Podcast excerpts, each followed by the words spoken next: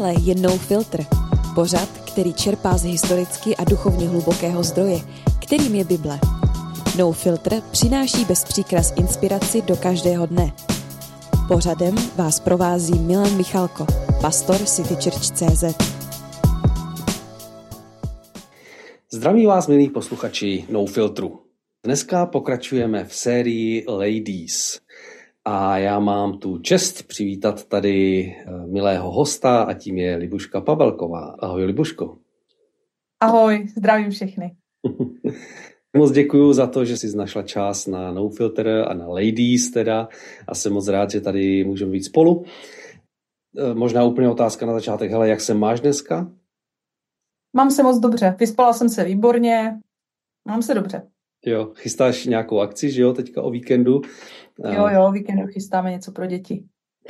Začneme tím, že vždycky se snažím hosta trochu představit, tak trochu googlím, eh, hledám nějaké informace. A eh, když jsem zadal tvoje jméno do vyhledávače, tak teda spoustu eh, zajímavých jako informací se tam objevilo, ale nejvíc, co mě zaujalo, a to můžeme teďka jako projít spolu, otevřel jsem tvůj LinkedIn, jo? to znamená tvoje jako pracovní zkušenosti a nemohl jsem dojít skoro až ke konci toho seznamu, takže jako je vidět, že si že máš spoustu pracovních eh, zkušeností, tak možná zeptám se jenom na některé věci, úplně nejnovější. Takže Via Familia, jsi mm-hmm. teda viceprezident nebo více, co to tam máš za titul? Viceprezident. Viceprezident. ne, budeme troška říct přece, ne? Jasně. Můžeš trochu něco říct o tom, co to je, co děláte? Už to bude 15 let, co jsme se rozhodli, že založíme um, nějakou organizaci zaměřenou samozřejmě křesťansky na rodiny, protože já jsem 18 let pracovala v misijní organizaci pro děti a vždycky se mi tam chyběla ta linka na ty, na ty rodiče. A tak e, není to samozřejmě, není nás velká horda, nejsme nikdo placení ve smyslu via familia, takže eh, snažíme se podpořit tu rodinu v různými aktivitami, jak vzdělávacími, tak nějakými uspořádáním různých akcí pro, pro rodiny, pro děti, pro mládež, eh, taky pro děti z ústavní péče, takže tak asi. Skvělá práce, máme nějakou osobní zkušenost, prostě známe tu službu výborné, to je, děkujeme moc za tu službu, kterou děláš, nebo děláte i s Ferim. A teďka tady mám další, jo, takže Blue Heart Service, SRO, No jo, když chceš dneska zakládat deseročko, tak je největší problém. Myslím, že úplně největší najít, najít jméno, aby ho už někdo neměl. Před několika lety mě syn trošku zatáhl z, z neziskového sektoru, kde jsem se pohybovala celý život, získávání financí a všelijaké různě do nějakého podnikání. Takže v roce 2016 eh, jsem se připojila k servisní síti opravy mobilních telefonů a tabletů a počítačů a založila jsem pobočku sítě I Love Service v Olomouci, takže od té doby tam mám servis už teďko pod jiným SROčkem, protože jsem tam měla dvě pobočky, tu jednu jsme zavřeli a mám v Šantovce pobočku servis mobilních telefonů. Jo, Naučila jsem se hodně. Ano, ano. A je to, je to vzácná jako kombinace, že žena, která dlouhodobě dělá službu s dětma, teďka najednou má prostě biznis, který je úplně jakože spíše IT nebo jakože ten technický hmm. svět, tak eh, možná se k tomu ještě, ještě dostaneme zpátky, jo? ale teďka... Jsi koukal, kolika věcí jsem se přiučila v telefonu. ale tady máš hmm. další zkušenost Faster Mother. To už je hodně let to už je vlastně od roku 2000, myslím, 7, kdy jsme s manželem si vzali dvě dětská dospívající, vlastně 9 a 12 let do pistonské péče. A potom 2009 jsme si ještě vzali jednu Míšu, takže naše rodina se rozrostla. Já jsem si vzala manžela, když měl teda, byl rozvedený a měl syna, takže spolu jsme měli tři děti, takže jsme k tomu přibrali ještě další tři. Naše už v té době skoro všechny, kromě dcery, byly z domu. Jako bláznivý nápad. Já věřím, že eh, jsme to nedělali jenom z nějakého popudu a nápadu, protože to tak nemůžeš udělat, to nemůžeš odložit. Ano. Ale já jsem za to nesmírně věčná, za tu zkušenost. Takže tím se teda dostáváme trochu k tvojí rodině. Jo? A eh, vlastně taky jsem měl tu otázku. Eh, není úplně jednoduché se zorientovat teda v těch vašich jako dětech. Jo? Ty to teďka, takže to věřím. To, můžeš to trochu aspoň jako teda nějak zesumarizovat. Takže vy máte vlastně svoje děti a pak teda z té mhm. pěstounské péče, nebo jak to nazvat. Mm-hmm, tak můžeš něco říct o vaší rodině? Takže dohromady je jich sedm. Jak už jsem říká, nejstarší Matěj, 44 let. a potom jsme spolu měli tři děti, Ondra, Adam, Ester. A potom jsme si vzali tři do pěstonské péče sourozence, Radka a Kristýnu a potom Míšu. Mm. Takže pro mě je to jednoduché, pořád si ještě pamatuju všechny, kdy se narodili. A ze sedmi dětí máme v současné době 13 vnoučat. Krásné. Nejmladší Barunka včera měla šest týdnů. A krásné, krásné. No a před několika dny jsme byli u vás na návštěvě a teda přestože máte tak velkou rodinu, tak vlastně jste teďka sami, máte svůj domek, eh, kde teda všichni přijíždí na návštěvu, ale jinak už jste s Ferim jakože sami, že jo, teďka užíváte. Jo, jo. Je to tak, už, už hospodaříme jenom spolu my dva. Tak eh, možná pro představení to stačí v tuto chvíli. Mám na tebe několik eh, rychlých otázek, které možná pomůžou nám a posluchačům trochu tě představit ještě víc. Takže zkusíme to, jo? Takže první otázka. Jaké jídlo ti připomíná dětství? Oh, si tam budu přemýšlet. Asi uzené maso. Uzené maso, dobře. Mm-hmm. Uh, jaké místo by si ráda navštívila? Jakékoliv, kde můžu být se svými dětmi. O, dobře. Trpíš nějakou fobii? Ano, neřídím auto. dobře. Mám řidičák, jo, ale jako já myslím, že je to skoro na hranici fobie. Ocitla se někdy v situaci, kdy ti šlo o život? Ano, v 16 letech jsem byla v klinické smrti. Vážně. Mhm. Mhm. Dobře. Jakou nadpřirozenou schopnost bys chtěla mít? Zavřít oči a být prostě v Americe u syna, Aha. jako přemysťovat se v čase. Dobře. Eh, co ti nejvíc voní? Je to blbý, ale můj manžel. Ha, to je hezké eh, A poslední otázka. Hele, kolik máš doma párů bot? 20. 20, dobře. Dobrý, hele, děkuji, děkuji za, za odpovědi. Tak eh, teď už o tobě víme zase ještě o trochu víc, ale možná pojďme trochu na jako hlubší otázky. Jo? Ta otázka, kterou na tebe mám, je otázka na vděčnost. Za co jsi v životě nejvíc vděčná? Tak já bych řekla, že moje přirozenost je být nevděčná a pořád něco vymýšlet a pořád něco... Eh, takový je člověk asi, jo? že jako možná my Češi tak trošku, že pořád jsme nespokojení s něčím. Ale já si připomínám velice často, že jsem velice vděčná za svoji rodinu. Mě umřela uh, maminka, když uh, mě bylo 18 let. Byla moc hodná a v tu chvíli ten můj domov, zůstal tam taťka, ale už to nebyl ten domov. To mm-hmm. prostě, mamka taky byla nemocná nějakou dobu, takže to bylo takové složitější.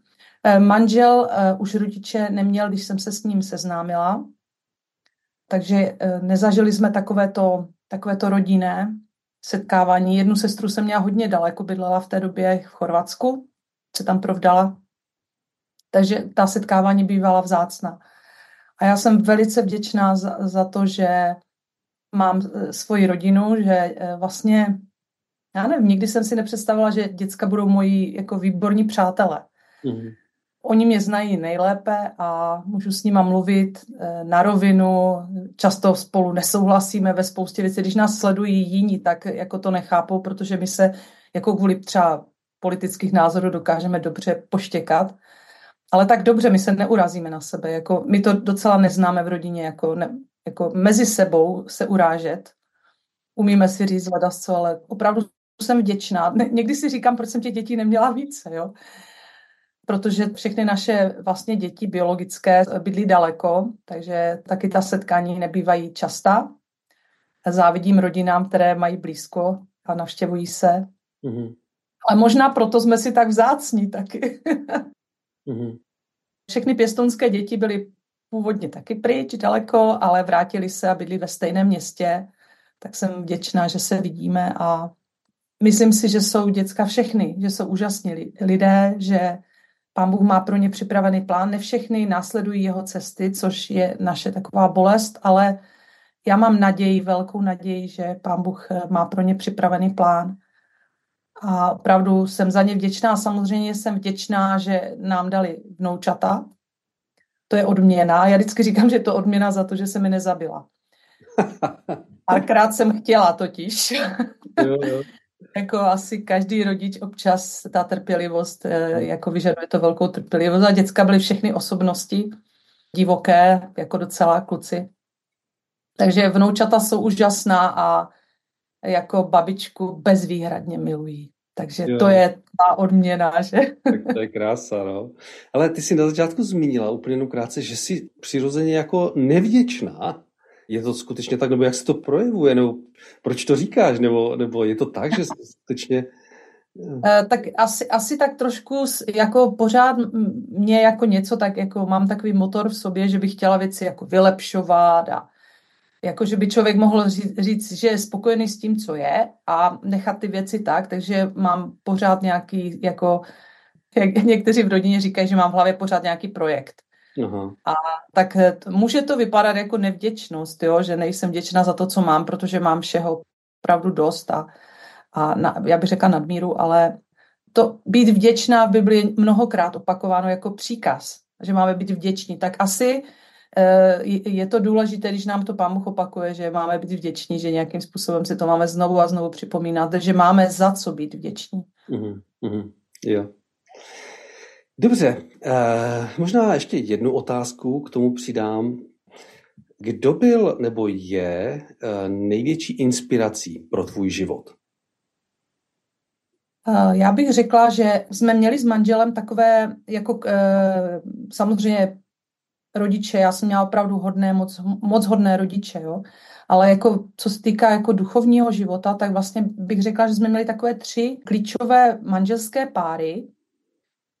Mimochodem pro mě to je, ehm, já se k tomu ještě vrátím, ale je to taková i, jako, že si řeknu, že i my můžeme být tou inspirací pro někoho, tak mě to jako vede takové pokoře, že vlastně pán Bůh může někoho použít, aniž my nějakým způsobem jako víme ale určitě na začátku našeho zaprvé manželství a duchovního života byl jeden manželský pár ze Vsetína. Byl to pan doktor a jeho žena, zdravotní sestřička. A asi není, teď neřeknu dne, ale určitě týdne, kdy si nespomeneme s manželem na něco, buď na nějaký citát, jako třeba mám chytré nápady, ale ruské provedení, jo, to bylo jako jeho vždycky prostě on byl, on byl doktor, ale vždycky měl nějaké vychytávky, ale ty vychytávky vypadaly legračně, jako jo, jo já nevím. Jo. Třeba říkal, že aby Marušce jako, uh, on se jmenoval Bob, jako Robert, a aby Marušce ušetřil, tak uh, vždycky si pod košili bral takový hedvábný šátek, aby nezašpinil tolik uh, prostě ten krk. A tričko nosil z obou stran, aby ho využil a prostě takové jako, um, jako úžasné nápady. On ří, sám říkal, že má ruské provedení, no, tak eh, to. Ale jako my jsme jim říkali prostě babička a děda, jo, jako protože už jsme potom měli děti, tak jsme za nima jezdili s nima teda. A on byl úžasná osobnost.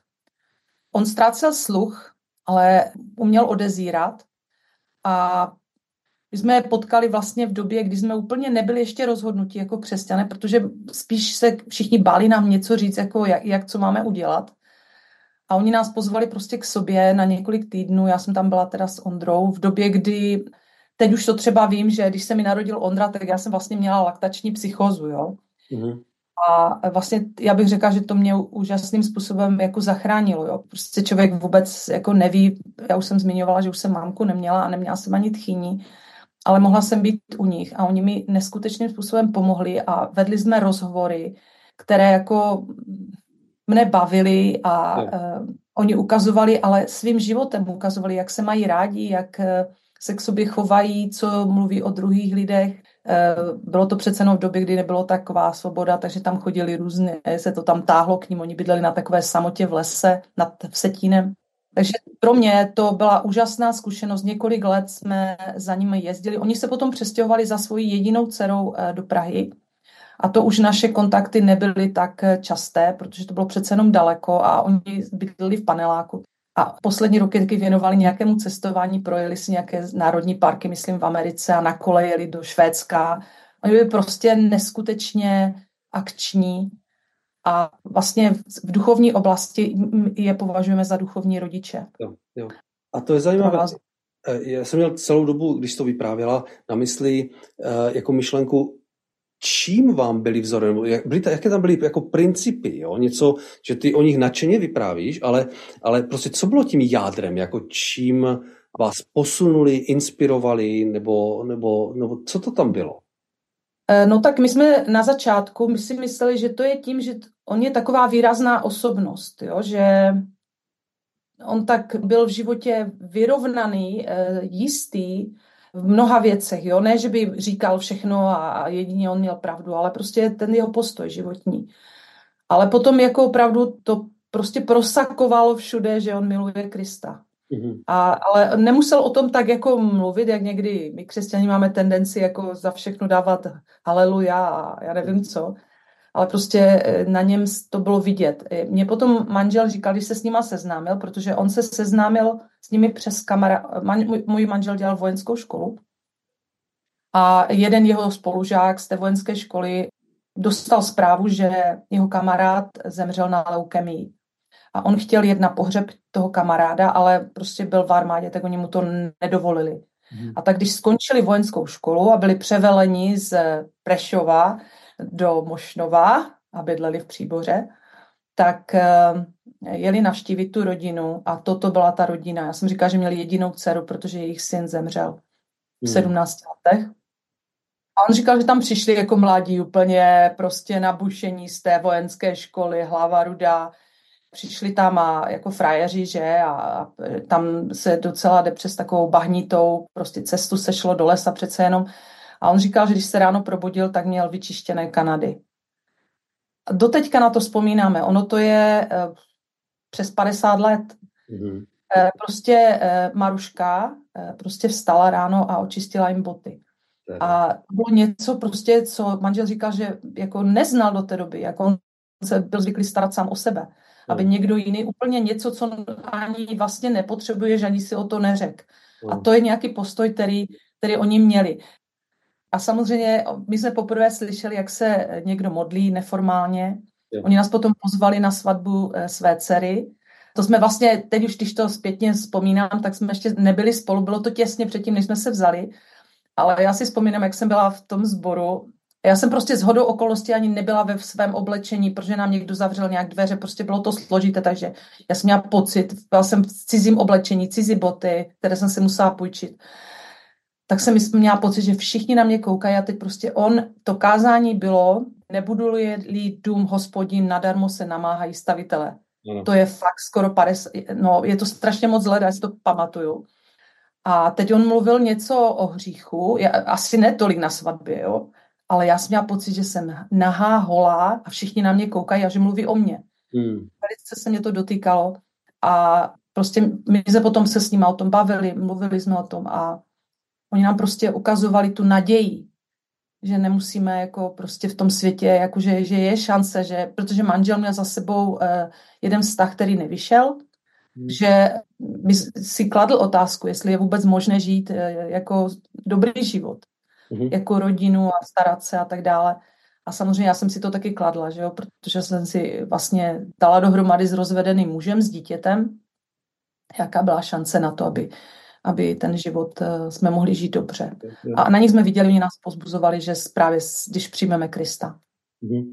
Ale eh, to je eh, vlastně zajímavé na tom příběhu, když takhle poslouchám, že vlastně ti lidé měli dostatek jako kapacity, nebo že byli vůbec vlastně otevření se vám věnovat, jako jo. No, že ano. To není jenom o tom, že teda je někdo nějaká silná osobnost, jo, prostě, že dělá dobře věci, ale to, že vlastně vás jako přijali, jo, to, je, to mě připadne uh, jako vzácné a zajímavé. A... No. Oni vystěhovali se z ložnice, tam jsem byla s dítětem a oni sami nějak, jako já, já nad tím taky nedávno jsme přemýšleli s manželem, že vlastně jako kolik toho obětovali, pro něho to nebylo snadné mluvit s lidma, tím, že měl, že ztrácel ten sluch a on v té době ještě pracoval, takže on vždycky přijel, on jel na kole na těch kopcích a po té práci přišel vlastně a bylo to vzácné, velmi vzácné. A my jsme za to neskutečně vděční. Mhm. A proto bychom chtěli být taky otevření a vždycky jsme to doma měli takové, asi kdyby se zeptal spousta lidí, tak by ti řekli, že jsme měli vždycky otevřený domov. A to je přesně to, co eh, to, co prostě u vás vidím jako celý život, jo? Že, že vlastně přesně otevřený dům, to je neuvěřitelný nástroj. Aha. Možná se k tomu ještě vrátíme, ale pojďme ještě na jednu otázku. Kdybys měla formulovat nějaké svoje životní krédo, jak by to znělo? Když máš problém, řekni to volimu, ten to řekne všem a je po problému. To je citace z filmu Krokodil Dandy. Aha. A... tak, tak to trošku na různé problémy jsme praktikovali, protože takové to tajení v rodinách s různými věcmi, asi my jsme si na to doma nikdy moc nehráli. Když byl problém, tak jsme je všechny svolali do obyváku. Oni zase řekli zase kázání, jo.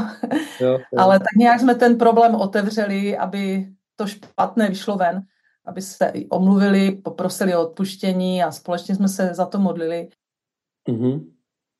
Můžeš ještě jednou trochu popsat to moto? Nebo ten... To moto, jo, když máš Aha. problém, řekni, řekni to Volimu, což byl kamarád krokodýla Dandyho.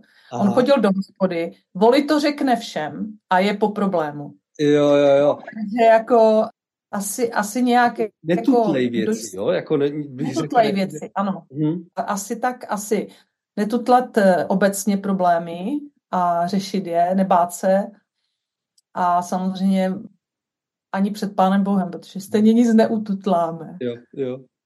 Takže netutlejme. ano, to je asi moje krédo, já si to někde napíšu, netutlat. Netutlat. Super. Jo, Libuško, eh, já vím, že eh, máš teda před sebou teďka eh, perný víkend, který souvisí s tím, co děláš, jak sloužíš a co děláš taky ráda. Vím, že jsme se bavili o nějakých programech pro lidi nebo pro děti možná zvlášť, o nějaké finanční gramotnosti. Můžeš jenom krátce říct, co to je? Jednu z věcí, kterou jsem dělala několik let, bylo vlastně, eh, jsem pracovala pro nadaci Terezy Maxové a to vlastně v oblasti práce s dětmi v dětských domovech. My jsme vlastně je učili angličtinu a přes různé aktivity, které jsme mohli navázat s dětmi, jsme nějakým způsobem pomáhali, aby se jako prostě mohli uplatnit v běžném životě z té ústavní péče, která není přirozená. E, přes toto jsem se dostala do takového programu ke společnosti Accenture, to je taková velice známá celosvětová společnost, sídlila v tančícím domě, takže jsem se tímto způsobem dostala i do tančícího domu v Praze. A přes tu nadaci jsme navázali vlastně na, na tyto programy a ty programy už byly vyloženě eh, pomáhající dětem, eh, že jsme koučovali jednotlivé děti k tomu odchodu z dětského domova hmm. A připravovali vlastně na to, jakým způsobem, co a jak, já nevím, eh, nějaké hm, životopisy jsme s tím pomáhali sestavit, pracovní pohovory. A v té souvislosti jsme vlastně začali my jako Via Familia pořádat uh, vlastně víkendová setkání pro děti uh, z těch dětských domovů, protože jsme viděli, že opravdu to prostředí není přirozené. Já sama jsem si děti vzala z dětského domova a já jsem viděla ty, ty rozdíly, jakože Přitom já jsem tam roky chodila, mývali jsme pro děti klub, ale až tehdy mi došlo, jak ty věci jsou fakt rozdílné. Například jednou jsem byla nemocná a říkám holkám, holky, mě je tak zle, můžete mi udělat čaj nebo prostě něco takhle. Jako. A oni mi říkali, ať se o tebe postarají vlastní děcka. řekli. Do teďka to citujem, občas si s ní dělám z dcery legraci. Jako jo. Ale eh, vlastně děti v dětských domovech neznají, že je teta nemocná a musí se jako plížit v pyžamu, za, za, zamotaný krk, protože ona jde na nemocenskou, že jo? A musí někdo místo ní sloužit.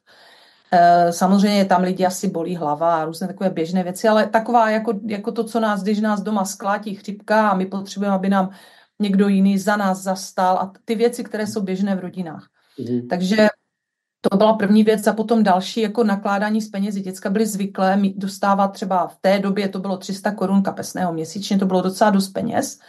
My jsme to neznali od našich dětí a naše děcka musely mít nějaké povinnosti. Já jsem měla doma seznámek a ten se plnil a dohlížela jsem na to, aby děcka se učili opravdu, aby se naučili ledasco.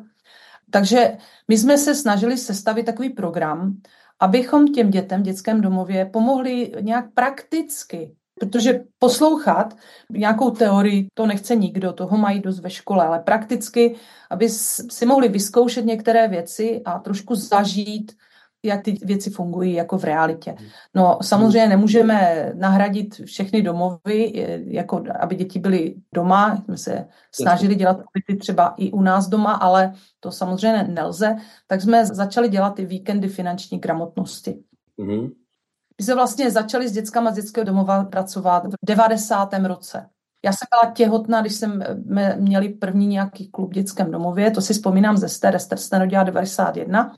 A potom jsme pravidelně chodili, mývali jsme pro dětská klub. A já jsem si myslela, že vím hodně o dětském domově. Mm. My jsme brávali děcka eh, i domů jako takové, my jsme říkali zbytky. Ano. Když někdo nešel na Vánoce, Velikonoce, tak jsme si děcka brávali. Měli jsme víkendovky u nás na zahradě, že se stany hmm. postavili.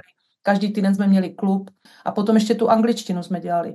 Hmm. Ale až potom, až přišli děcka, tak jsem zjistila, že toho tolik úplně jsem nevěděla, jak to vlastně funguje, jak oni vlastně neumí rozlišit to moje, tvoje, je to instituce a tak dále.